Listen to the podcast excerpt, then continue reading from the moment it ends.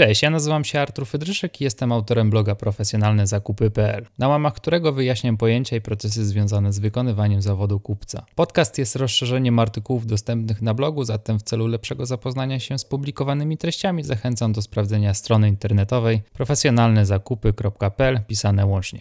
Zaczynamy.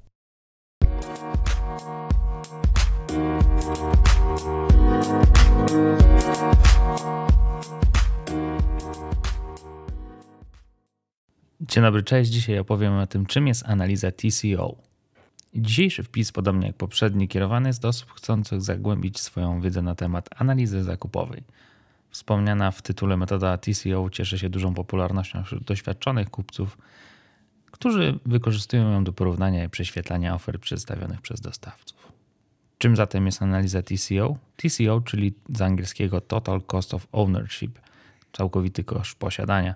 To metoda, której celem jest identyfikacja, zrozumienie i kwalifikacja wszystkich faktycznych kosztów związanych z zakupem produktów lub usług w całym okresie jego użytkowania.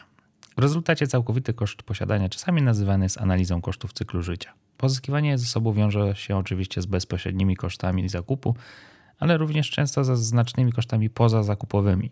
W konsekwencji różnica pomiędzy jednym a drugim może być znacząca, zwłaszcza w dłuższym okresie.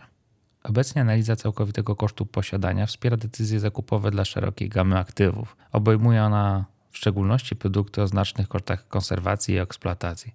Skutkiem tego całkowity koszt posiadania znajduje się w centrum uwagi kupców, którzy stają przed decyzjami o zakupie np. systemów informatycznych, floty samochodowej, samolotowej, nieruchomości, parków maszynowych, sprzętu laboratoryjnego, sprzętu medycznego, Niemniej koncepcja TCO jest równie przydatna do szacowania pełnego kosztu posiadania takich aspektów jak umowa o świadczeniu usług, licencje, prawa do patentów lub własności niematerialnych, takich jak własność intelektualna czy znaki towarowe.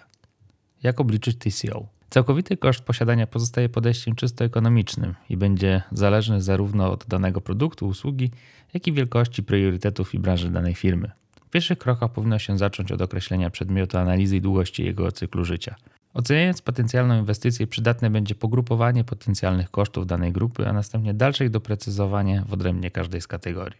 Należy określić wpływ i wagę poszczególnych z nich na finalny koszt przedsięwzięcia.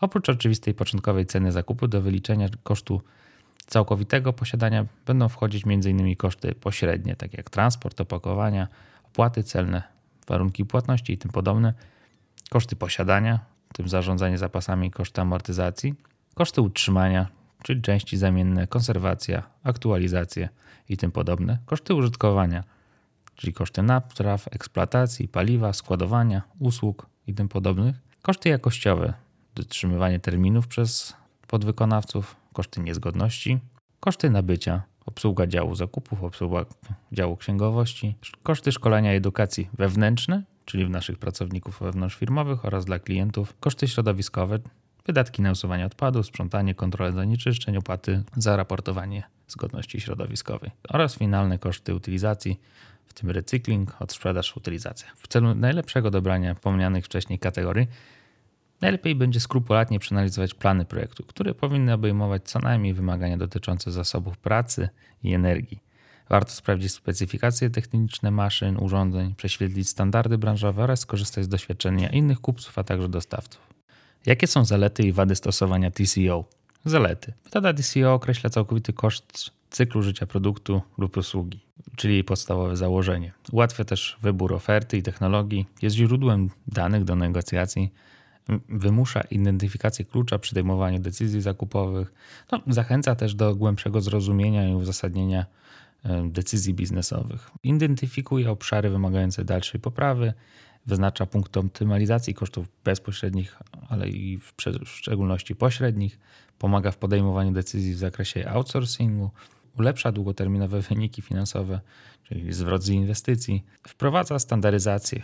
Kupiec wie, jakie dane zbierać, na co uważać w przyszłości, jest wskaźnikiem bieżących kosztów i może posłużyć jako prognoza do budżetowania. Do wad metody będzie zaliczać się m.in. to, iż skupia się wyłącznie na aspektach e, finansowych, pomijając wszelkiego rodzaju korzyści wynikające z, z danego rozwiązania, z danego projektu, benefity, jakie wiąże ze sobą współpraca z danym dostawcą oprócz tych finansowych.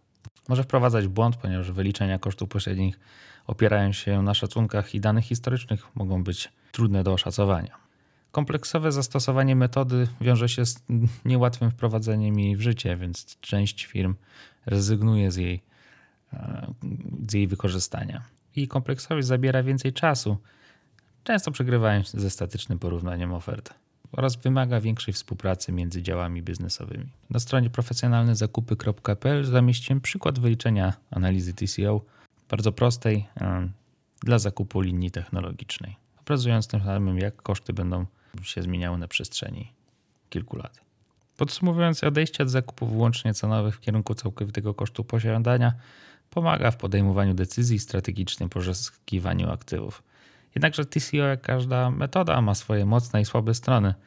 Z jednej strony pomoże w uzyskaniu benefitów polegających głównie na założeniach finansowych, czyli oszczędnościach i kosztach, których uda się uniknąć podczas mm, wyboru danej oferty. Jednakże pozostanie zupełnie obojętna na korzyści pozafinansowe wynikające ze stosowania danego rozwiązania konkretnej firmy. Mam nadzieję, że ten artykuł był dla Ciebie pomocny i pozwoli na usprawnienie Twoich codziennych obowiązków związanych z wykonywaniem i mam nadzieję, że ten artykuł był dla Ciebie pomocny i pozwoli na usprawnienie Twoich codziennych obowiązków z wykonywaniem zawodu kupca. Do usłyszenia. Cześć.